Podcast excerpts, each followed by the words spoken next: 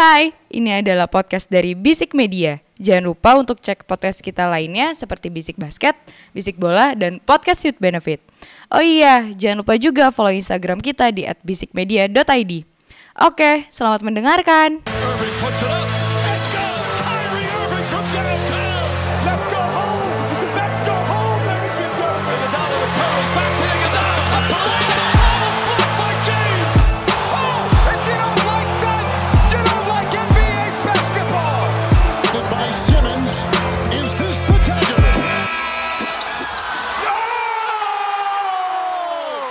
Episode 107 dari Bisik Basket, podcast seputar basket NBA dan juga dalam negeri yang diulas secara santai sebagai, sebagai pecandu basket. bener bener bener You know, para pendengar Bisik Basket ini tadi buat intro aja gue ngulang sampai tiga kali.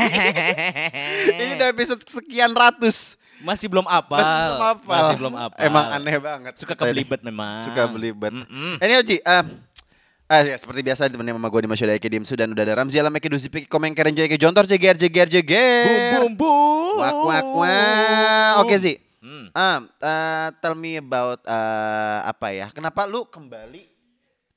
Kita bisa ngetek di setengah 12 karena kebetulan saya besok ma- masuk pagi banget jadi saya bisa kabur lebih cepat hari ini instead of uh, Jam besok dua. pagi lu datang Hah? kantor, mendingan lu tidur di kantor. Emang lebih Iya, efisien ya. betul karena juga karena kan gue mau syuting nih besok jadi gue harus mendingan gue dibangunin daripada gue bablas di rumah Betul. Eh, iya dong klien Hmm, klien adalah raja klien adalah Tuhan salah. apa Uangnya klien adalah rajanya, bukan klien. Iya sih, iya sih bukan klien. Kliennya bukan Kalau klien nggak ada duit, bukan raja kita. Iya, Gitu. tapi yang biasanya punya banyak duit tidak tahu apa-apa. Lah, Emang iya. That is why kenapa mereka membutuhkan kita yang lebih pro. Nah, Iya kan? Tapi banyak mau kadang-kadang ya guys ya. Ya disabarin aja. Mm. Kalau nggak kayak gitu kita nggak dapat duit. Mm-mm, betul. Oke kita langsung masuk aja gue udah nggak ada Iya. nggak Iya. kebayang lagi bahasa bahasanya kayak Eh, gimana. lu, lu weekend ngapa- ngapain aja kalau Weekend gue, Heeh. Weekend gue kemarin itu gue gak sibuk sih minggu eh, weekend kemarin sih. Gue Sibuk setelah ya gue malah malah gue malah kebalik. Weekdays itu gue malah gabutnya gue. Oh ya jelas. Weekendnya gue tuh malah padatnya gue. oh iya pasti. Ya gue. Sabtu main basket terus abis itu eh, naracap. Oh, yes, yes, yes, yes, Pasang yes, yes. balik Nah, naracap ya. Minggunya gue produktif banget Ji dari Ngapain bantuin tuh? emak gue masak Hmm. sampai eh, apa namanya beresin kamar gue pokoknya macem-macem lah terus abis itu gue olahraga lagi gitu loh. Hmm. Jadi gue agak-agak apa ya eh agak sibuknya itu pasti di weekend malah. Jadi gue lebih produktif bangun lebih pagi padahal tidak ngapa-ngapain. padahal tidak ngapa-ngapain. Kayak gitu. Iya, iya, iya. Tapi tapi satu hal, gue kalau misalnya bangun pagi, Hmm. itu karena gue tahu oh hari ini ada NBA, ada game NBA. Oke. Itu mantap, pasti itu. Mantap. Mantap ya bridging gue ya. Ya, oke, Seperti di game ketiga dan keempat gue bangun pagi. Thank you Ji, bridgingnya bagus. bagus. Iya, iya, iya, iya. Oke, kita masuk ke review eh, NBA Finals lagi nih ya. Hmm, hmm. Mungkin karena ini udah hampir menjelang akhir nih. Ya Game kan? ketiga dan game Kalau keempat. game ketiga dan keempat eh, dan semakin seru ternyata. Hmm. Yang di mana seperti banyak yang kita prediksi di episode yang lalu, Hmm. Seba- ada yang terjadi, ada yang kok nggak terjadi sih. Ekspektasinya tidak terjadi. Kok kok begini? Iya. Kok begitu? Iya. Gitu kan. Asu Oke, tenan. kita mulai di game ketiga dulu. Mm. Di game ketiga ini eh, tiga keempat by the way kita eh, eh, NBA Finals berlangsung di TD Garden ya. Ya, Di kandangnya Boston Celtics. Yoi. Yang di mana game ketiga ini sebenarnya emang sudah sesuai ekspektasi kita nih Ci. Yoi. Boston bisa mengambil kemenangan. Dan Tapi- menurut gua bagus, bagus banget. Tapi Ya. tapi gua nggak melihat tapinya sih. Gua ada tapinya. Oke, nanti dulu. 116-110 dimenangkan oleh Boston Celtics. Hmm. Di kuarter pertama itu tancap gas banget lah Boston lah. Yoi, Ngambil yoi. advantage mereka itu karena bermain di kandang gitu loh. Karena tahu di kuarter ketiga mereka akan ketertinggalan. gue melihatnya, gue melihatnya bahwa eh, game ke- di kuarter ketiga di game ketiga ini ala ala, ala Indonesia ya, timnas Indo ya. Game Iya. ketiga tuh kayak eh kuarter ketiga tuh kayak Selalu udah ada, mulai ada ke ini ya. Bingung, terlalu nyaman dengan leadingnya. Betul. Tiba-tiba apa ketinggalan satu poin ya kan, sempat ketinggalan satu poin. Terus juga ya walaupun pada akhirnya bisa Iya. balikin lagi Iya, ya, iya, iya, iya, tapi selalu ke quarter ketiga nih selalu jadi momok buat Boston Iya. Celtics sih. Tapi menurut gue ini menarik di game ketiga ini Hmm. eh, ada statistiknya di mana eh, tiga pemain dari Boston Celtics ini mencetak 25 eh 20 poin plus dan 5 assist plus serta spu- eh, 5 plus rebound.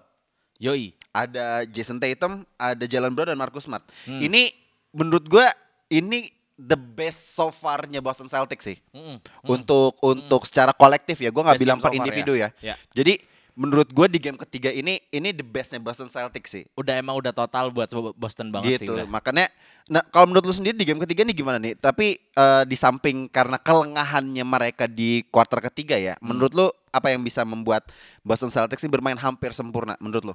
Menurut gua karena Golden State Warriors dari secara apa defender di paint area maupun apa pas lagi offense juga mereka kurang hasil sih menurut gue ya. Karena Oh gitu menurut lu? Heeh, karena out reboundnya parah banget jauh banget total reboundnya Eh. 47 banding 31 dan menurut gua eh, ini ya karena mereka nggak punya siapa-siapa lagi di bawah kan sebenarnya. Dan juga eh, pick and rollnya juga jalan banget Steph Curry bener-bener diekspos banget secara defense ya kan bener-bener selalu di match upin ke Jalen Brown either either Jalen Brown atau Marcus Smart atau si siapa? Si Jalen apa Jason Tatum gitu kan. Terus ditambah mungkin ada satu momen yang pas di kuarter ketiga itu yang pas eh, si Curry ngebalikin ke keunggulan jadi War- Warriors eh, unggul satu poin. Terus juga bagusnya tuh Marcus Smart bisa langsung eh, apa ngambil apa step ahead gitu loh. Maksudnya Iya. dia langsung making threes juga over Steph Curry yang ngabis bener-bener ngabisin mentalnya juga gitu loh jadinya menurut gua eh, main mentalnya juga bagus Steph Curry-nya terlalu terekspos juga dan ya Boston is being Boston di Yap. game ini gitu Nah itu maksudnya eh, apa ya? Kayaknya ada sedikit kelengahan di kuarter ketiga pun itu pun juga ditutup sempurna gitu sama yang Yes, tadi udah lu yes. bilang Marcus Smart. Tapi menurut gue pribadi juga dari sisi Warriors sendiri menurut gue I don't know di mereka seperti kayak eh eh, nggak nggak nggak siap menghadapi Boston di di arenanya dia sendiri Yes, gitu yes. Jadinya kayak menurut gue Boston eh, Boston tuh ngambil ngambil kesempatan itu ngambil advantage itu kaget sama ambience kali kaget ya. sama ambience-nya bermain bermain eh, tandang. Jadi Hmm. gue pribadi merasa Warriors nih kayak nggak nggak nggak nggak siap lah untuk menghadapi Boston Celtics gitu. total juga. Tapi gue melihatnya bahwa mereka di kuarter ketiga pun bisa bounce back dengan Hmm. dengan Curry yang bisa yang tadi dah lu bilang ngambil taking a, a few threes buat gue pribadi itu kayak semacam seharusnya lu punya momentum untuk bisa ngambil game ketiga gitu loh tapi ya. di kuarter keempat seakan-akan Boston Celtics makanya gue bilang ini the best ya Boston Celtics Ya, di game ketiga ini betul. sih karena mereka setelah udah bisa diambil eh, apa leadingnya kemudian bisa kembali menjauh menurut gue itu itu mentalitas yang Ya. di mana diperlukan untuk tim yang suatu juara sih tapi Betul. gue melihatnya bahwa di game ini tuh nggak bukan bukan peran dari satu pemain atau dua pemain yang Yes. yang ngambil eh, apa ya take a steps untuk bisa Ya. ngelewatin lawannya gitu loh Hmm.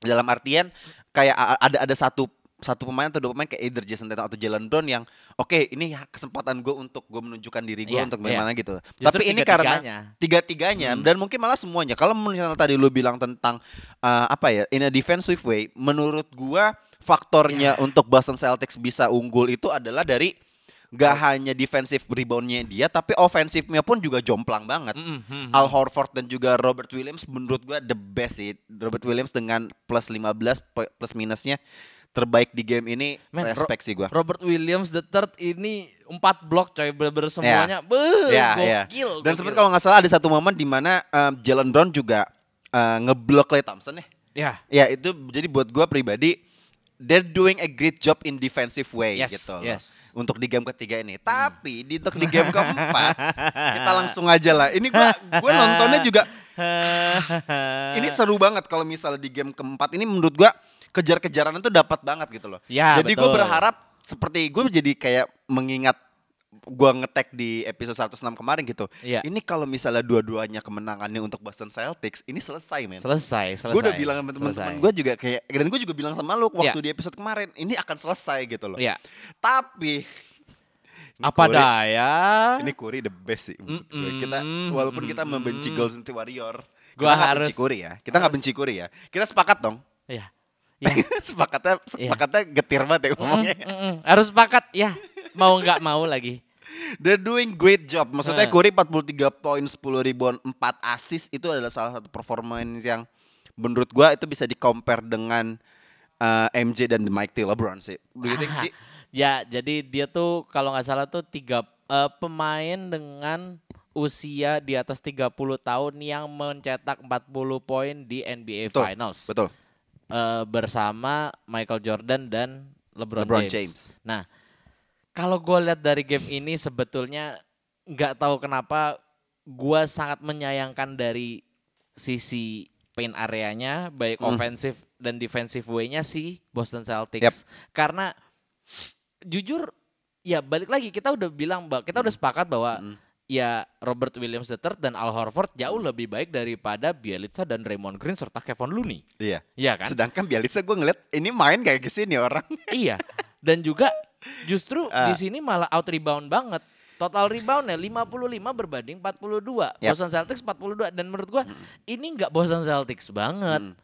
Dan menurut gua jujur ini hasilnya Draymond Green dan yang ada di paint area menurut gua kejawab di sini dan menurut gua balik lagi oke memang eh, secara poin juga si Curry ya ya udah lah ya udah 43, 43 tapi poin, yap.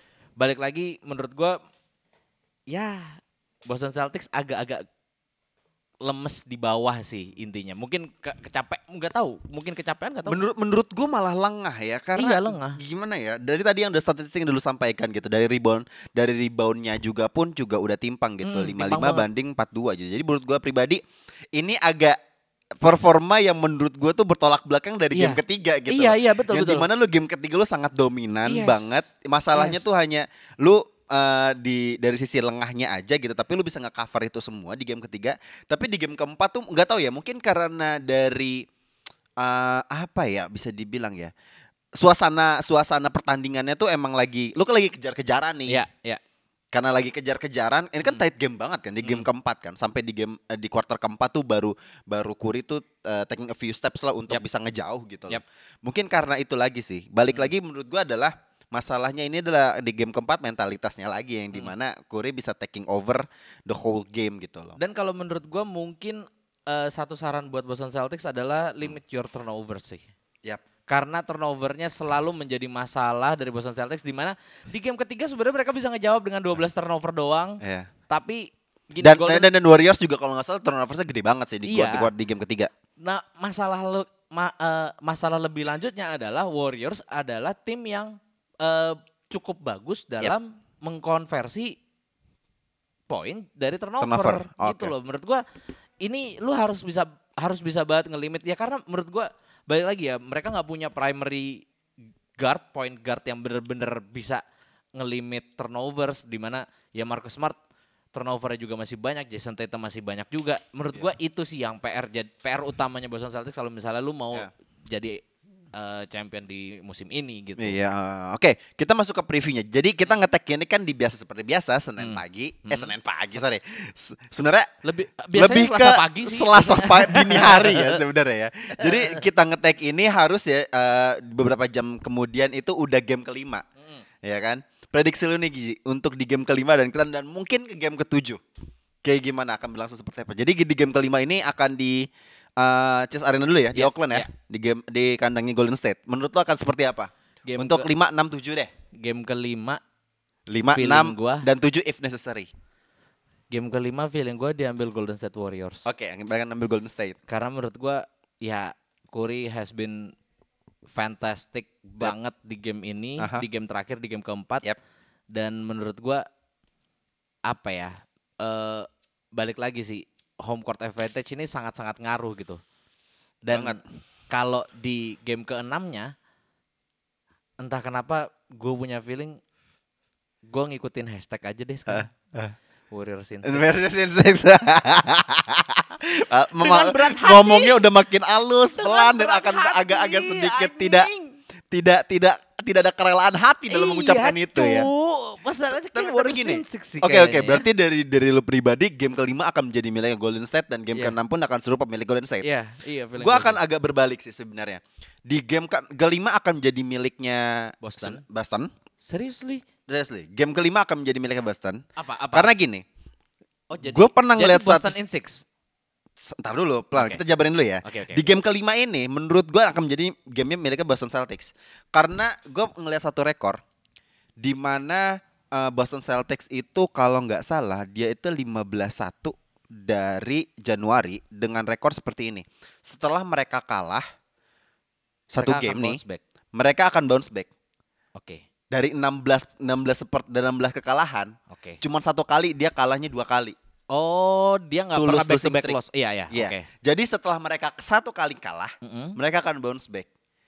Tapi walaupun itu kemungkinannya agak besar ya, Iya. tapi satunya ini kan bisa dipengaruhi dengan yang lain dong. Iya, betul. Betul kan? Betul. Tapi gue masih punya kepercayaan diri gitu loh terhadap Boston Celtics yang di mana gue masih belum melihat nih Jason Tatum ya kita juga setuju kita belum melihat Jason Tatum tuh beast mode-nya tuh yang bisa nyetak 40 something something, Gua- 50 something something. Ya, oke. Gitu. Kita kita menunggu itu loh. Nah, Enggak. tapi Enggak. enggak kenapa? Gue nggak mau nunggu itu. Lu takut? Karena jujur gini, eh dari beberapa kemenangan, dari dua kemenangannya eh Boston Celtics di finals ini, Ya. yang megang justru Jalen Brown. Iya. Gue malah setuju. berharap ya udah Jalen Brown aja yang yang apa ya, yang ngambil kreditnya di Oke. finals ini Ya. dan Jason Tatum ya udah jadi apa ya, jadi fasilitatornya karena menurut gue di game pertama, Ya. men, Jason Tatum 10 Ya, kita- poin tapi kita ingat semua. 14 Oke. assist Yep. Di game ketiga juga dia nggak nggak nggak nggak tinggi tinggi banget setahu gua 28 poin sih. But Iya. kita kita bilang kita itu itu performa Tapi- yang enggak mena enggak appealing buat iya kita untuk melihat tapi sebagai most, seorang most Jason Tatum. pointsnya seingat gue kalau nggak salah tuh si Jalen Brown tetap Jalen Brown. dan Ya. menurut gua kayaknya no Jalen Brown 27 poin Yep.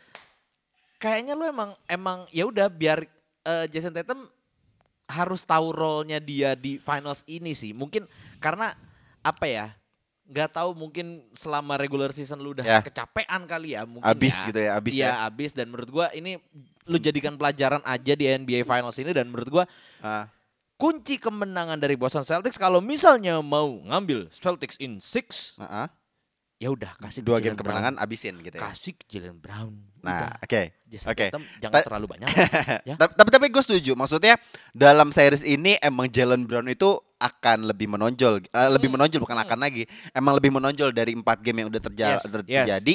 Menurut gua Jalen Brown kalau misalnya Boston Celtics yang juara nih, Jalen Brown harus jadi Finals MVP-nya. yes yes setuju Setuju dong, pasti Setuju, dong. setuju. Nah, tapi kita balik lagi nih yang tadi gue bilang di game kelima akan menjadi miliknya Boston Celtics karena statistik yang udah tadi gue bilang. Ya. Tapi di game keenam Hmm. itu akan menjadi miliknya Golden State kalau menurut gue. Wah, Nah, penentuannya akan di game ketujuh. Oke. Jadi kali kalau udah dua sama ini, gua hanya bisa melihat ini akan game tujuhnya ini milik siapa. Udah. Oke, berarti kalau gitu game ketujuhnya berdasarkan statistik yang baru kamu bilang, berarti game tujuhnya, ya dong, ya dong. Gak, gak, gak, gak, Kan gak, kalah gak, gak. sekali nggak mungkin back to Nah, back. makanya itu. Jarang. Nah, makanya itu. Jadi kalau gue melihatnya ini series akan menjadi tight tiga sama nih. Tapi di game ketujuhnya gue sama sekali buta. Maksudnya eh, nggak nggak bisa nggak bisa ngelihat ini akan miliknya siapa gitu. Tapi Hmm. mungkin advantage-nya sedikit ke Golden State karena ntar di game ketujuh kan akan di Oakland. eh, Oakland kan. Yap. Tapi melihat bahwa eh, Golden apa rela lagi anjing. Iya kan anjing. Celtics pun juga bisa ngambil kemenangan. There's a slightly chance untuk mereka bisa juara juga gitu loh. Nah ini tuh ini tuh udah udah balik ke mentality lagi loh. Mentalitas maksudnya faktor luck juga berperan di sini gitu loh. Itu- Iya kan? Aduh, aduh Iya kan? masalahnya. Nah kalau bisa lo udah ngomongin luck dan mentalitas, udah udah Golden State Golden banget State sih. Iya, susah. Iya, aduh. Tapi jangan lupa gol, gol apa sorry eh, Celtics juga lolos dari dua kali game seven. Bisa jadi jadi lolos lagi di game seven yang ketiga. gitu loh. Jadi ini menarik banget sih sih. Jadi kalau Ya, bilang ya, lo ya, ya. bilang Warriors in Ya, six, ya, ya. kalau gue bisa jadi gue akan tetap setuju dengan di tag gue gue episode berapa ya kita ngomongin awal-awal preview NBA Finals Iya. di episode 104 atau 105 gitu. Iya, di mana waktu itu Gue bilang ini akan NBA jadi kan- Celtics in seven gitu. Enggak, preview preview NBA Finals-nya dulu kan ini kan Nets lawan Lakers kan. Sampah. Oke, Enggak, gitulah. Tapi gini, intinya Ah. kalau misalnya in six Warriors, kalau in seven Celtics. Setuju? Setuju. Oke. Salaman. Kita kunci jawaban Oke, nanti. Oke, kunci deal jawaban. or no deal? Deal. Oke, deal. Deal. Karena nggak mungkin Warriors in seven karena asyik sudah tujuh Karena ke L. kejadian ya, udah pernah Iya. kejadian ya. Langsung langsung throwback. Wah, kayaknya aku pernah kata Curry aku pernah aku pernah seperti ini gitu Aku pernah di game 7 tapi kalah. aku pernah ditembak tiga depan muka Ah. udah, udah, udah, udah. Oke, lo go on. Kita akan ngebahas eh, itu tadi dari NBA Finals ya, ada baik review dan previewnya ya. Hmm. Ya. Oke, kita ke topik yang lain. Em, walaupun ini agak agak dini ya kita ngebahas Terlalu ini ya, dini, terlalu betul. dini ya. Hmm. Tapi kita harusnya sih sudah bisa membahas ini. Jadi ya nggak nggak terlalu apa ya.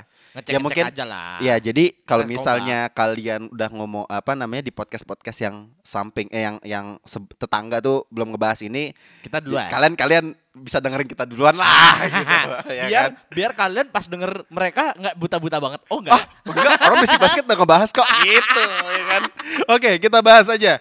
Em, NBA mock draft eh, eh, apa namanya? eh, kemarin kan udah udah keluar ya maksudnya. ya, loterinya. Untuk loterinya udah keluar untuk eh, eh, first overall di NBA Draft 2022 itu akan didapetin oleh Orlando Magic. Yoi. Yang kedua akan oke eh, didapetin oleh OKC dan yang ketiga akan didapetin oleh Houston Rockets. Yoi. Yang di mana eh, kita nggak tahu nih ini masih masih masih ini kan dari loterinya nih. Mungkin aja nanti di minggu depan atau sebelum NBA draftnya berlangsung mungkin akan ada trade lagi. Nah, ya bisa betul. terjadi kan? Bisa. Atau mungkin bisa eh, ya setelah setelah di pick bisa di trade itu kan itu lain soal gitu loh. Mm. Tapi untuk loterinya itu ya hasilnya seperti itulah. Satu untuk Orlando Magic, dua untuk eh, O- OKC, dan yang ketiga untuk Houston Rockets. Oke. Nah, tapi kita akan ngebahasnya pertama itu dari dra- draft prospeknya dulu nih. Oke. Ini kita ngambilnya dari E Top ESPN three. ya. Ya, top 3-nya Tapi gue melihatnya dari Sport Illustrated, dari The Athletic, sama dari The Ringer pun ini tiga ini tuh nggak nggak berubah banyak gitu loh. Ya, Cuma ya. hanya posisinya susunannya aja gitu Ya. loh. Oke, di prospek nomor satu. Ini Versi? ini ini pemain ini nih ya versi ESPN. Kita Versi bahasnya dari ESPN. ESPN aja ya. Oke. Di prospek nomor satu, first overallnya nih, ranking satunya. Ini satu pemain ini nih udah kita pantau dari beberapa tahun yang lalu Ji, ya. Mm, mm, Ini kita ngeliatnya anjir nih orang nih. Nih ini bisa bertahan di NBA enggak ya? Tapi Bahaya setelah kita ngelihat di high schoolnya dan kita sempat ngeliat dia main di FIBA Under 19 ya Yes, kalau nggak yes, salah yes, FIBA World yes, Cup ya. Ini orang slender banget men. Iya. Parah men. Iya. Ya kan? Aduh. Dari Gonzaga University, Cheltenham Green. Dia seorang power forward. Dia tuh 6'1 ya tingginya ya. Ya. Ya pokoknya Eh, tinggi. enggak. Seven coy. Eh iya, seven one lah. So, so, kok six one mah cuma 180 sorry. Iya, Seven 7'1. one, sorry sorry sorry. Ya pokoknya 210 sekian lah. Ini orang nih tinggi banget men. Tapi tinggi eh, beratnya itu cuma 190 pounds. Ya. Kayak ya, 195, kayak kayak cuman berapa ya? Ah, gua nggak tahu lah itu di conversion. Iya, Tapi kalau misalnya lu nggak Cheltenham Green ini, dia tuh lean banget men. Yes. Mungkin seslender eh, KD kali ya. Ya. Dan ya. kita ngomongin KD, ini gaya bermainnya mirip banget. mirip banget, mirip Iya banget. sih, menurut lu gimana sih? Kalau gua sebenarnya kemarin sempet udah ngecek beberapa Kali. eh, playnya dia Waktu di mana nih? Waktu di high school apa main di NCAA? di NCAA. Oke. Dan menurut gua dia itu KD dengan tambahan eh, skill set on defense. Oke. Karena menurut gua dia jujur Yang on defense ya? Iya, defense defense dia primary defender banget buat Gons dan menurut gua buat Gons anjir. Buat Gons anjir. buat Gonzaga. Mainnya dia di ini ya, eh, apa pejaten ya? Yoi, yoi. Biasanya gua nontonnya di Bulcup memang. Anjing bulcup. Oke, lanjut. Nah, chat ini menurut gua ya dia itu kalau nggak salah eh gua sempat dengar juga dia itu eh, most blocks nomor 4 di Amerika. Oke. Di NCAA. Oke. Dan menurut gua ini udah gitu dia lean banget yang tadi lu bilang dan eh, salah satu strength-nya itu yaitu ya shootingnya terus juga eh, apa terus juga defense-nya finishingnya juga bagus dan juga apa ya eh tough juga gitu loh menurut gua dia cukup apa ya agile agile Yep. juga gitu dan tapi kalau misalnya gue lihat gue udah ngecek beberapa ya YouTube YouTube gitu lah ya Ya. Ya kita kan scouting juga lah ya, Ya, dari YouTube YouTube ah. yang yang Lebih dari yang, TV yang itu. highlight highlight lah. Eh, yang lebih dari TV Ah, ya kan? ah, ah. Nah, ada beberapa improvement yang harus di eh, ambil sama dia gitu ya. Karena eh, bobotnya dia yang masih kurus banget. Yep. Itu yang harus jadi concernnya dia gitu loh. Yep. Gue yakin dia sebenarnya bisa jadi kayak Giannis gitu. Iya. Sumpah badannya tuh udah udah udah Giannis, kita ngeliat Giannis 2013 waktu awal-awal eh kayak dia Iya, kayak gitu. dia, udah. Iya. Lu ditambah lu bisa syuting. Ah. Anjing mak- maksudnya Shootnya bagus banget, Ben. Udah udah ini prospeknya udah tinggal lu jadiin badan udah jadi gitu loh. mungkin eh gue melihatnya bisa kayak satu lagi kayak Derek Michael. Weh, iya. tapi Iya tapi iya, Iya iya, iya, mirip mirip Iya mirip kan? mirip mirip. ha. Ya mungkin skill setnya Oh ya jelas jagoannya ya. Sugar coating. Oke, tapi menurut gue gini ya. eh, dari dari NBA Draft Combine-nya sendiri, gue melihatnya dia mainnya tuh kayak pasif agresif, ngerti? Yes, yes. Jadi eh, dari pasifnya sendiri in eh, offensive way, dia Yeah. mungkin nggak terlalu Hmm. nggak terlalu nunjukin waktu kayak waktu dia di NCAA atau Yep. seperti highlight highlight waktu dia di high school gitu Yeah. loh. Nah tapi dari sisi defensifnya dia dari tadi yang dulu bilang statistiknya dengan beberapa blok menurut gua itu adalah salah satu model yang di mana dia lebih apa ya eh versatile lagi Iya, bisa menjadi 9,8 blok per menjadi two way player yang bagus gitu tapi emang masalahnya adalah dari fisiknya dia Ya. tapi bukan berarti dia nggak bisa compete di NBA gitu Yes, loh karena yes. KD dengan skill set yang Seperti itu. seperti itu dengan badan yang yang agak lean juga Lean dia tetap malah. Tetap tetap bisa jadi pemain terbaik di NBA gitu salah satu yang terbaik di NBA gitu loh Ya. dan balik lagi komparasi lo dengan Giannis menurut gua cocok banget gitu loh As in defense Waktu, ya. iya dari 2013 aja kita nggak pernah ngeliat Giannis dengan statistik yang dan dia juga bukan pemain yang apa ya digadang-gadang akan menjadi pemain bagus gitu loh Mm, mm. tapi punya wingspan yang sangat Wah. lebar banget kan bos. wingspan-nya tapi Ah. dia secara fisiknya tuh mumpuni gitu loh Ya. untuk di NBA. Tapi Giannis ngedevelop dirinya dengan Hmm. skill setnya yang dia kembangkan terus ya akhirnya dia menjadi salah satu pemain terbaik di NBA sekarang saat ini gitu loh. Ya. Nah, itu yang gua harapkan dari Charles Holmgren karena modalnya bagus banget, men. Yes, di yes. NCAA itu tuh dia 70% plus eh, 70% lebih untuk eh, field goalnya dia Oke, field goal. dan oke. 40% lebih dari three point. Menurut Ya, gua kan ya, ini ya. kan dari tadi yang tadi lu bilang dari Hmm. shooting dia bisa shooting 3, nembak 3 dan juga dari uh, mid, mid range-nya juga Ya. dan dia juga dengan badan yang selin itu dia Ya. nggak ragu untuk attacking the rim karena Ya. dia punya advantage tingginya kan. Hmm. Jadi menurut gua itu dia tuh masih bisa ngembangin lagi Ya. skill setnya gitu dan juga dari fisiknya. Karena lu udah punya modalnya gitu loh. Satu hal lagi mungkin kalau misalnya yang buat ditambahin adalah eh, dari sisi court visionnya sih. Karena menurut gua Ya. beberapa kali dia mencoba untuk kalau udah ngedrive dalam udah mati bingung. Dalam ngedrive mati bingung. Nah itu menurut gua court visionnya ini harus dia asah juga dan ya menurut gua ya pantas sih dia. Ya oke oke oke. Mm, mm, mm. Oke, untuk di eh, second ranknya nih overall nih ya. Mm-mm. Ada power forward lagi. Jadi ini satu dua tiga ini power forward semua nih Ji. Oke, oke menarik. Ada Jabari Smith dari University of Auburn. Jabar. Nah ini to be honest, gue tuh waktu dari awal, eh, jadi diangkatnya dia waktu di high school ya. Sorry, gue nggak gua nggak pernah ngelihat pemain ini gitu loh. Gue Oke. ngelihatnya tuh cuman Child Holmgren dan beberapa pemain lainnya di luar sana gitu loh. Yep. Nah tapi tiba-tiba nih ada Jabari Smith yang di mana ternyata dia di NCAA dia tuh udah lebih menunjukkan dirinya bahwa dia tuh pantas di NBA gitu. Semacam kayak gini lah, kayak em, angkatannya si Jamoran tuh 2019 ya. Ya. ha-ha. Jamoran itu menurut gue dia kelihatannya tuh waktu di NCAA. Oke. Jadi dia dari peringkat dua. Ya. Nah, Al- Jabari Smith ada di peringkat gitu, dua juga nih. lebih, ya. Yang ngedevelopnya nih pas udah udah mau deketin NBA draft nih. Jadi maksud lu Chel Holmgren nanti bukannya bukannya jadi sterk tapi gendut gitu Saya, maksudnya? saya tidak Karena- membahas karena apa? Holmgren, saya bahas Jabari Oh Smith ya dulu. Jabari Smith. Oh ya. kita ya, kita ya. nggak tahu ya kalau Iya, itu iya, ya. Kan itu kan masih masih ada uh, mix and match-nya lagi. Gak tapi fokus gue adalah di Jabari Hmm. Smith sendiri adalah dia dia emang waktu di NCAA emang emang statistiknya bagus juga. Dia 43% dari three point field goal eh, Hmm. Yap. dari uh, three point ya dari dari apa? Ya. Dari three point line. Hmm. Field goalnya juga uh, cukup mumpuni dan juga dia tingginya 6 foot 10. Jadi menurut gua eh, walaupun gak setinggi Child Holmgren, tapi secara fisik dia udah ready banget. Yes, yes, yes, yes. Ya. Nah, kalau buat gua sebenarnya dari ya bener tadi yang lu bilang maksudnya dia salah satu strength-nya adalah ya three point-nya. Eh, terus juga badannya juga udah lumayan sterk dan gue sempat eh, ngecek di beberapa eh, source gitu ya. eh, pemain ini tuh di apa ya? Disandingkan bukan disandingkan, dimiripin Ya, sama dikomparasi kayak, ya, Iya, dikomparasinya. Komparasinya paling dekat tuh sebenarnya sama Blake Griffin. Oke. Tapi Black Griffin yang sekarang ya, bukan yang eksplosif yang zaman dulu. Karena gitu? Karena waktu zaman dulu eks, bapuk dong. Ah, ah, jadi role player Ya aja. kan kita- Oke. Enggak, tapi maksud gua eh, dia mungkin tidak seeksplosif itu karena Hmm. eh, secara apa ya? eh, skill di paint areanya Hmm. juga nggak bagus-bagus banget terbukti field goalsnya dia bagus apa ibaratnya rata tapi ratanya buat di luar Hmm. Di dalam di di pen area itu dia bapuk banget sebenarnya. Oh, gitu. Tapi jujur secara court vision dia oke. Mm. Itu cukup bagus dan yang kalau gue lihat yang harus diimprove itu pertama ya jelas dari segi drive-nya karena dia bingung gitu. Maksud- maksudnya suka suka aneh lah ibaratnya apa nggak miss banget sering miss banget. Terus juga dia kan suka ini apa eh tough shotnya tuh sering banget Oh, maksudnya iya. lagi di kontes Bad sering- selection ya? iya bad selection menurut gua dan juga 2K eh, banget bad selection. Yes.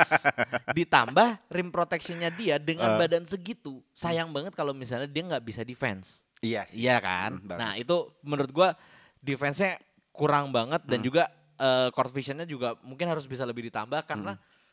ini apa ya lu kalau kalau dia nih kalau tadi kan eh, eh sorry bukan Black Griffin coy tadi si Jabari Smith ya. Iya. Jabari Smith itu lebih mirip sama kayak Evan Mobley. Evan Mobley. Lebih berarti lebih ke Evan power Mobley. forward slash center berarti Iya, lah ya. iya, emang agak-agak tebel, agak seterek, tapi ya balik lagi lu di bawah sana lu udah lumayan seterek harusnya masa sayang banget kalau misalnya lu nggak bisa defense gitu sih Iya, ah, iya. Makanya gue pribadi eh, sebenarnya gue sedikit banget tahu tentang Jabari Smith. Ya. Tapi dari apa yang tadi udah lu bilang sih, menurut gue kalau gini, lu dengan eh, overall yang sangat tinggi, maksudnya lu di di satu atau dua atau sampai lima pun, menurut Hmm. Ya. gue lu akan jadi at least jadi tumpuan tim Ya, yang nanti ya, akan lu jelas. yang akan milih lu gitu. loh. jelas, jelas.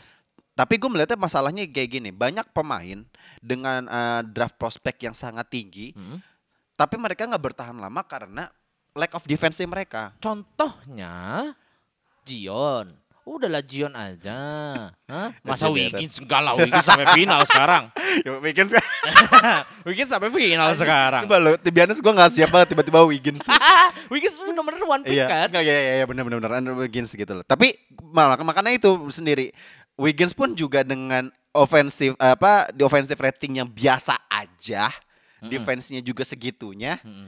Lu sampai hampir tidak mendapatkan apa ya Spot. ibaratnya spot ataupun juga lu nggak bisa di, bisa dibilang sebagai pemain elit gitu Ya, loh. ya, ya, ya. kayak gitu loh. Makanya gue berharapnya Jabari Smith ini apa ya eh, bisa ngedevelop dirinya. Maksudnya PR-nya dia lebih banyak daripada Charlton Green Yes, gitu loh. yes, yes, Eh, yes. Tadi yang lu bilang mungkin secara court vision kayaknya nih IQ-nya ini ya mungkin emang banyakkan Charlton Green gitu loh. Tapi secara secara fisikal mungkin lu agak sedikit lebih unggul tapi Ya. PR lu lebih banyak. Ya. Dari defensive lu-nya juga mungkin lebih pengen eh, attacking the rim-nya juga lu mungkin harus lu develop Yes, lagi. Jadinya yes. mungkin Jabari Smith ini lebih banyak PR-nya dan harus banyak yang bisa dia develop setelah ntar dia masuk ke NBA gitu. Betul. Makanya eh, dari gua ibarat harapannya sih Jabari Smith nih nggak nggak akan bas-bas banget ya. Iya, iya. Kalau misalnya dia bisa ngembangin dirinya sendiri sih. Betul. Seperti itu, Ji. Oke. Oke, ini terakhir nih. Hmm. Nah, ini kayaknya yang lu compare tadi deh. Iya, ini Paulo gue. Banchero nih, Ya. power forward dia dari Duke University. Nah, Yes. kalau dari Duke nih, gua nggak nggak meragukan eh, apa ya ibaratnya ya Ya, ya, pemain-pemain developnya, Jebolan-jebolan Duke. jebolan-jebolannya Coach K nih ya. Ya, Ini udah udah ya udahlah Duke University kita udah tahu eh, Duke University, University of Kentucky udah kita udah tahu lah nih. nih. Tapi kayaknya ada satu point guard dari Duke yang biasa aja deh. Hah? Siapa? Russell Westbrook. Udah selesai UCLA. Oh UCLA. Oh iya UCLA. Duke Beda. ya, John Wall ya. John Wall. John Wall, eh Duke. enggak, John Wall UK University of Kentucky. Oh, Duke de, Duke, oh, Duke Duke, itu- Zion. Zion, RJ Barrett, RJ oh RJ Barrett. RJ Barrett. Kyrie Duke University. Oh iya yaudah. Lalu mau nye- menyenggol Toxic ya siapa? Lu menyenggol Maksudnya- siapa? Lu Ya udah, menyenggol siapa? sama-sama point guard juga Lu diomelin Coach K lo anjing. Oke, Paulo Banchero apa? Bukan salah coach K, tenang aja. Paulo Banchero Duke University. Dari sisi statistik, gue melihatnya bahwa em, dia eh, apa ya? eh secara mentalitas tuh bagus gitu. Hmm. 20 poin dan 10 rebound performanya di NCAA eh menurut gue itu cukup untuk menas- menahbis, menahbiskan dia. Asik, menahbiskan. Iya, Bahasanya bagus ya. Bahasanya bagus, sebagai ribet pemain yang terbaik di eh, Duke University dan juga sebagai top prospek NBA gitu loh. Yap. Secara fisiknya juga mumpuni gitu. Dia eh, tingginya sama 6 foot 10 juga bareng sama kayak Jabari Smith. Tapi eh, mungkin secara eh, apa namanya ya? Fisiknya dia lebih tebek nih, lebih Ya, sterk lebih daripada eh, Jabari Smith gitu loh. Ya, dan ini- mm, dan ini- dari sisinya eh, apa ya ibaratnya ya? Dari defensive way-nya dia juga menurut gue dia lebih bagus gitu loh dari dari eh, dua yang lainnya gitu loh. Ya. Nah kalau gue ngeliat dari si, nah ini dia nih yang gue bilang kayak kayak si Black Griffin gitu. Nah kalau dia tuh sebenarnya entah ya, gue makin ke sini tuh udah mulai merasakan bahwa adanya apa ya pergeseran style of play dari big man big man yang ada gitu. Semua gara-gara bapak Steph Curry, ya kan? Iya. Jadi ah, sama Joel Embiid juga. Jadinya big man big man ini semuanya three point percentage-nya bagus. Ya. Lalu guardnya suruh ngapain? Suruh rebound. Kagak bisa anjing. Maksud gua gini loh. eh dia juga salah satu kelemahannya juga di secara apa ya? Di di bawah juga biasa aja dan defensifnya juga biasa aja dan menurut gua justru lu kalau lu ya balik lagi tadi yang lu omongin ya satu dua tiga ini kan tiga tiganya posisinya power forward Yap. deh power forward juga salah satu garda terakhir di defense lu gitu. Loh. Dan menurut gua ini harus kenapa tiga-tiganya justru punya kelemah enggak sih kecuali Chet Holmgren ya. Ya. Punya kelemahan di defense gitu loh. Dia juga salah satu kelemahannya di defensive, Defensive eh, ya. konsistensi gitu Iya, atau disiplinnya.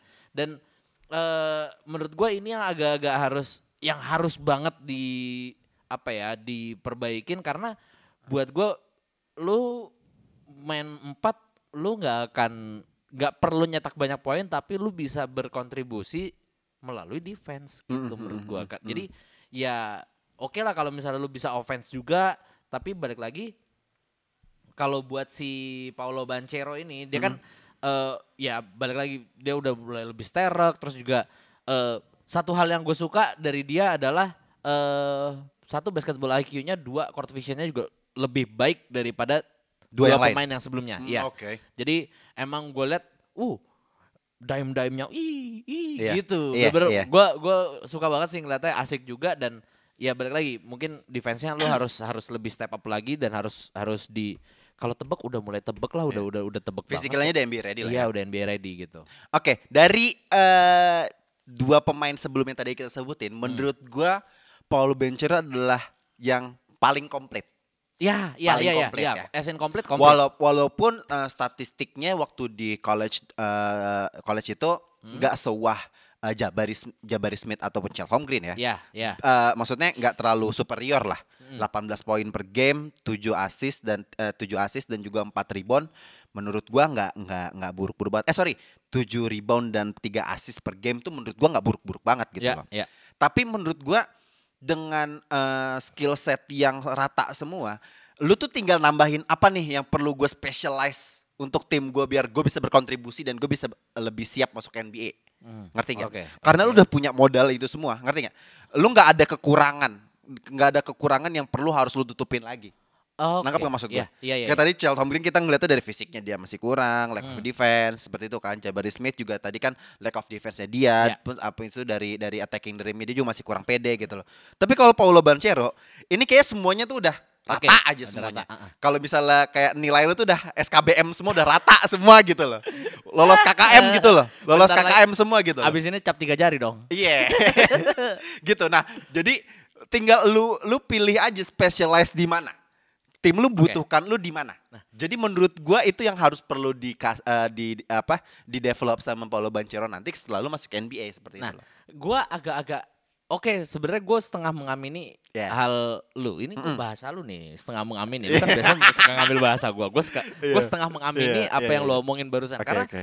buat gue, lu lihat big big players big players zaman sekarang ya. Maksudnya Oke. yang bener-bener, ya gue bisa bilang jadi face of the NBA sekarang lah. Mungkin ya elite-elite player yang sekarang, Yap. yang lu kenal, pasti mereka punya satu spesialisasi. Iya. Nah itu yang menurut gue Itu. oke oke Paulo Banchero mungkin nggak punya specialize di satu titik gitu. Dia akan berguna untuk tim, tapi dia akan nggak akan bisa jadi superstar. Oke. Ngerti jadi nggak? kayak utilize player aja. Iya, jadi- bisa di mana gue tutupin gitu. Iya, Tapi gua nggak akan jadi the, the man-nya, Iya, iya, akan. oh, iya. Lo akan jadi betanya. Mungkin kayak Chris Middleton atau Draymond, nggak tahu. Maksudnya eh, yang Dray- Draymond. Draymond. salah ngomong gua aing deui, aing deui salah. Oke, oke, oke, gitu. oke, oke, Tapi oke. maksud gua ya kalau lu rata aja lu nggak akan nggak akan bisa stand out gitu loh. Iya. Ya mungkin lu guna banget buat tim tapi balik lagi kamu tidak akan menjadi superstar. kalau misalnya kamu mau jadi superstar mending kamu fokusin di satu terus ya udah nanti siapa tahu ini gue yakin Paula Bancero tidak mungkin punya signature shoe karena biasa saja Ya, karena ya. maksudnya semuanya bagus Ah, ya. gitu Tapi malah malah menurut gue ya, dia akan menjadi satu-satunya pemain yang punya signature shoes duluan. enggak aku pilih Chad Holmgren Karena gini gini, bener bener bener. Gue gue udah gue tahu pasti lu akan ngomong seperti itu. Ki- eh, untuk menjadi superstar player itu kan pasti harus ada eh, unique skill set. Hmm. Lu mau unggul di mana? Lu jago di melakukan hal apa? Yes. Gitu loh. Nah makanya itu tadi gue bilang, di mana nanti timnya yang milih dia, sepertinya harus nih gue butuh lu sebagai bermain sini dan lu fokusin di sini Paul, lu fokusin di situ Iya. dan Paul Bencero akan nge-develop itu gitu loh. Kayaknya akan seperti itu gue melihatnya gitu loh. Ataukah Karena kayak lebih kayak eh Andrew Wiggins yang dia nggak bisa ikut ya, maksud nggak nggak bisa nggak bisa keep up gitu loh, maksudnya nggak bisa ya udah dia akan kayaknya jadi Andrew Wiggins tuh rent free banget ya di kepala lu ya. Karena Ya. dulu dia bukan siapa-siapa sekarang di NBA Finals. Iya, gitu. iya, iya, iya, Nah, iya, iya. Karena jujur eh timnya akan membutuhkan dia ah. yang standar-standar gini aja, maksudnya Hmm. yang bagus di mana aja gitu loh. Dia menurut gue as in konsistensi not bad dan justru dia punya banyak cara untuk attacking the rim. Dia dia lebih punya banyak cara daripada Chat Hmm. sama Jabari gitu loh. Dan menurut gue justru ini yang ya udah gitu loh. Yang nggak nggak nggak perlu di develop lagi menurut Ah, gua. ah, ah. Nggak tahu ya. Iya. Ya who knows. Nah, makanya makanya itu eh, tapi dari apa ya sisi aduh tadi gue mau ngomong apa ya? Maksudnya dari sisi skill setnya si Paulo Banchero tuh dia harus nggak ada yang Iya, tutupin iya, lagi iya, gitu. iya. Makanya who knows gitu. Nah, kita kini aja deh. Kalau misalnya tadi dari tiga tim, Orlando Hmm. Magic, OKC dan juga Houston Rockets. Menurut lo dari dari eh, si Orlando Magic sendiri, dia akan ngambil siapa? Karena gini, sepertinya kayaknya Cal Holmgren akan berpotensi besar banget kan. Untuk dipilih awal-awal, untuk Hmm. Ya. dipilih pertama gitu Ya. loh. Tapi who knows nih, siapa tahu Orlando Magic merasa kayak kayak gue gak membutuhkan seorang power forward yang lain seperti dia gitu. Karena gue masih punya Eh, Mubamba kan. kayak bodoh. enggak, enggak, Inilah apa Wagner Wagner. Mau Wagner. Iya. What the hell? Oh kok mau Wagner sih siapa? Wagner. Ya yang yang baru anjing. Iya, iya, iya. Iya, iya, itu. Nah, menurut lo uh, Orlando Magic akan ngambil siapa? Charles Green? Eh, Kita kita ini aja ya, maksudnya kayak apa ya? Memprediksi aja. Seperti biasa kan kita feeling gue sih subjektif prediksi. feeling, feeling gue sih ngambil chat sih. Ngambil chat ya. Ngambil chat karena gua nggak melihat mereka Orlando punya defender yang baik. Itu dulu aja. Hmm. Oke. Dan mereka mau nggak mau harus ngambil defender yang ya ad- yang ada di diri Ya. chat gitu loh Uh-uh. menurut gua dan kalau OKC dan Houston kayaknya masih mereka masih mencari style of play mereka juga Hmm. dan menurut gua Orlando juga lebih ma- masih nyari style of play sih. Tapi Dan dia lagi ngedevelop banget kan. Maksudnya kayak Cole Anthony juga baru masuk dan mereka masih lagi mencari jati Iya, dirinya iya. sendiri gitu loh. Iya In ya. underdevelop lah mereka lah. Ketiga tim ini lah maksudnya lagi-lagi underdevelop lah. Maksudnya Orlando Magic juga lagi tanking, lagi develop. Oke sih kita tahu sendiri sampai 2027 juga kayaknya masih masih ngambil pemain muda gitu loh. oke saya ganti Hmm. kalau gitu. Jabari Parker. Chat enggak jab, kok Jabari Parker sih? Enggak maksudnya kan eh Jabari Parker, Jabari Smith. Enggak, yang terakhir Bancero. Oh lu, Menurut jadi jadi menurut lu. Bancero akan jadi satu Banchero. first overall. Oke. Iya. Ya, kalau menurut gua karena dia butuh pemain yang overall dulu lagi pula Hmm. mereka juga udah punya siapa ya? Moritz Wagner dia Iya iya Wagner iya iya iya kan? gue lupa gue lupa. Ya pokoknya yang yang baru itu yang dia draft kelas tahun kemarin kok kalau nggak salah. Hmm. Rotinya juga kalau nggak salah. Ah lupa gue. Iya, iya pokoknya Orlando tuh punya udah punya udah punya apa? empat dan juga udah punya Mobamba juga. Ada Cole Anthony juga yang lagi emerging. Menurut gua mereka lebih, lagi nya- lebih nyari yang ya udah yang yang standar dulu aja karena yang lain rosternya udah punya specialized masing-masing gitu Iya. menurut gua ya. Iya iya iya. Kalau lu? Tapi kalau gue pribadi ya kayaknya akan ngambil chat sih karena lebih Oke. promising gitu loh. Iya. Secara secara prospek karena prospek kan gak bohong ya. Ya, Maksud gue kayak kal- kalau gua kan ngeliatnya kebutuhan tim kebutuhannya ya, ya. lo sebenarnya gue juga mengkomparasi dengan kebutuhan tim kalau misalnya dari kebutuhan tim juga eh gue akan melihatnya sih akan ngambil Paulo Banchero secara Iya, secara iya. posisinya pun juga sebenarnya karena karena ini tiga pemain ini posisinya serupa semua ya Hmm. jadi kita agak sulit gitu untuk untuk naroknya mereka tuh seperti apa gitu Mungkin loh tambahan Hmm. eh, kalau Paulo Bancero bisa ditaruh di tiga. bisa lebih jadi lebih bisa Lebih ditaruh SF di ya? tiga daripada eh, Jabari Smith dan Chat. Iya. Gitu menurut Iya. gua. Nah kalau yang di duanya sendiri untuk OKC, nah ini kalau OKC ini lebih menarik nih. Hmm. Kalau OKC malah menurut gua ball Banchero akan ke sana. Enggak, kalau gue malah kebalik. Mereka udah punya primary eh, attacker yang baik di Di diri siapa? SGA, Oke. ya. Oke. Mereka butuh defender, yaitu Jabari Pak- Jabari Smith. Holmgren di Chat. Chat defense gila loh. Iya Nomor sih. 4 di N- Tapi- nomor 4 di NCAA. Tapi ya, tapi nah ini balik lagi gua akan seperti lo nih. Gua akan melihat kebutuhan timnya. ya.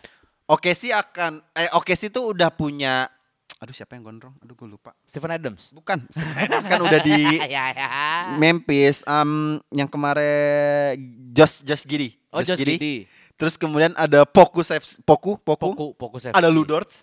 Jadi menurut gue mereka tuh dari forward ke centernya itu udah stack banget. Enggak. Enggak. Jadi makanya menurut gue nih kayaknya butuh pemain wing yang ya either Banchero ataupun ataupun Jabari Smith sih. Jadi makanya gue nggak melihat Chat akan ke sana gitu. Kalau gue melihat justru melihat Chat ke sana karena Ah. ya mereka nggak punya defender. Gidi bagus banget di offense-nya. Just Giddey, iya. Dan si Ludor Poku juga, SGA juga Poku juga main biasa. di Jilik sih. Jadi ya oke lah, gue iya, akan coret jadi dia. ya menurut gue karena menurut gue di bawahnya belum ada, belum ada Ya. yang bagus. Gidi jatuhnya tiga tahu. Se- Sebenarnya sebenarnya juga apa ya? eh, eh, ini tiga eh, apa power forward itu bisa bisa in the way dijadiin center ataupun jadiin wing ya. Jadi Iya, kita iya, sebenarnya iya. bingung juga gitu loh. Ya, karena Jadi- tiga-tiganya ini bisa bisa apa versatile Lebih banget versatile gitu. banget, jadi bisa ditempatkan di mana aja gitu loh. Jadi menurut lu Chet Holmgren? Chat. Chet Di- Holmgren. Kalau gue sih Paulo Banchero sih. Nah, yang ketiga nih. Emang si sampah ini eh enggak juga sampah juga sih. Sebenarnya ini tim yang ya gua gua harapkan anjir men. Ada Jalen Green, ada Josh Christopher, ada Christian Wood. Terus kemudian em, ada siapa lagi? Centernya eh John shootingnya Wall masih ada. gua nggak- gua- masih ada. Masih ada tapi Eh. gue tidak melihat Kevin Porter Junior. Kevin Porter, KPJ. Terus eh, ada siapa lagi shootingnya, shooternya Eric Gordon. Nah, piecesnya ini menurut gua tinggal di wingnya mereka, yaitu Paulo Banchero. Eh Jabari Smith, sorry. Jabari Smith. Oh, lu lebih Smith. milih Ja- ya, juga. Sebenarnya awal gue lebih setuju Paulo Banchero ke sana karena gue melihatnya di di beberapa forum eh, basket di IG gitu ya akun-akun gitu ngeliatnya Paulo Banchero tuh bakalan ke Houston gitu loh karena lebih bermain di wing tapi gue Oh, melihat oke. ya Jabari Smith tadi seperti udah kita bahas Hmm. dia lack of inconsistency di eh, defense dan juga nggak berani untuk ngedrive drive-nya Ah, lemah ah, banget ah. jadi kayaknya kayak Paulo Banchero sih gitu loh Karena udah udah ada si Gitu. KPJ juga KPJ. yang lebih matang ya. Oh. Iya, oke. makanya seperti itu. Makanya jadi mak- dan juga kayaknya du- eh, jadinya trionya eh, apa? Christian Wood, kemudian Jalen Green dan juga Paulo Banchero nih karena kan eh, Intinya Chat nggak akan mungkin ke Houston gitu kan. iya. Karena- ya nggak mungkin lah anjir, Ya, bodoh banget. Ya karena udah ada Christian Wood juga kan. Betul, makanya the- eh, Christian Wood kan kalau nggak PF either center juga bisa kan. Hmm, Secara wing Paulo Banchero bisa dan sedangkan Jalen Green yang di mana bisa jadi guard yang bagus gitu. Iya. Maksudnya mungkin musim kemarin musim kemarin karena rukinya dia dia nggak nggak nggak terlalu eksplosif Iya. atau gimana. Mungkin di musim kedua ini dia di sophomore year-nya dia dia bisa berkontribusi lebih untuk Iya. eh, Houston seperti itu. Iya. Kalau lu? Kalau gue fix Jabari Smith sih. Lebih ke arah karena eh Chet Holmgren sama Paulo Banchero udah diambil duluan. ini jatuhnya ke ini ya, lebih-lebih ke pasrah. Iya, ah, udah.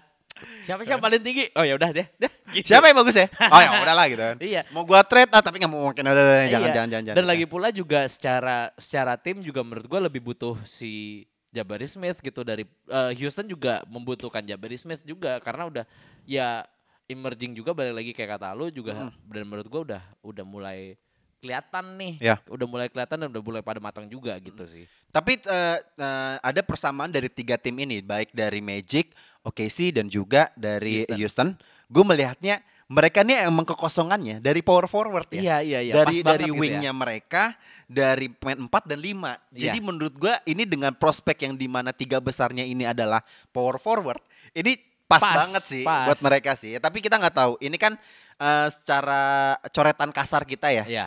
maksudnya 1 sampai 3 ini dan prospeknya juga 1 sampai 3 ini kan kayak ya kira-kira akan seperti ini gitu loh. Tapi Ya. kita nggak tahu nih nanti di minggu depan di weekend itu NBA draft akan mulai. Kita nggak tahu ini akan ada rotasi seperti apa Ya. nih ya kan pertukaran timnya kayak mungkin waktu 2017 kalau nggak salah eh, em, Houston sama Sixers itu nge-trade 1 sama 3. Jadinya Ya, itu ya. kan mungkin terjadi gitu loh Ya, ya, ya, kan. ya. Jadinya Ya ini hanya hanya mock up dari kita aja sih Ya. seperti itu. Dan satu hal pokoknya jangan jangan sampai kamu kayak yang itulah jadi banyak makan mentang-mentang kamu first pick gitu kan gitu terus jadi keberatan badan gitu loh. Jion. Oh, gue kira Kwame Brown. Ya iya iya iya. Oke, sekian Basic Basic episode 107. Eh, mungkin lu juga eh, punya mock up draft yang khusus seperti maksudnya lu memprediksi seperti apa bisa komen di akun kita @basicbasket di Instagram, oke? Yoi. Oke, sekian episode 107. Gue Dimsu. Gue Ramzi. Standing out. Bye bye.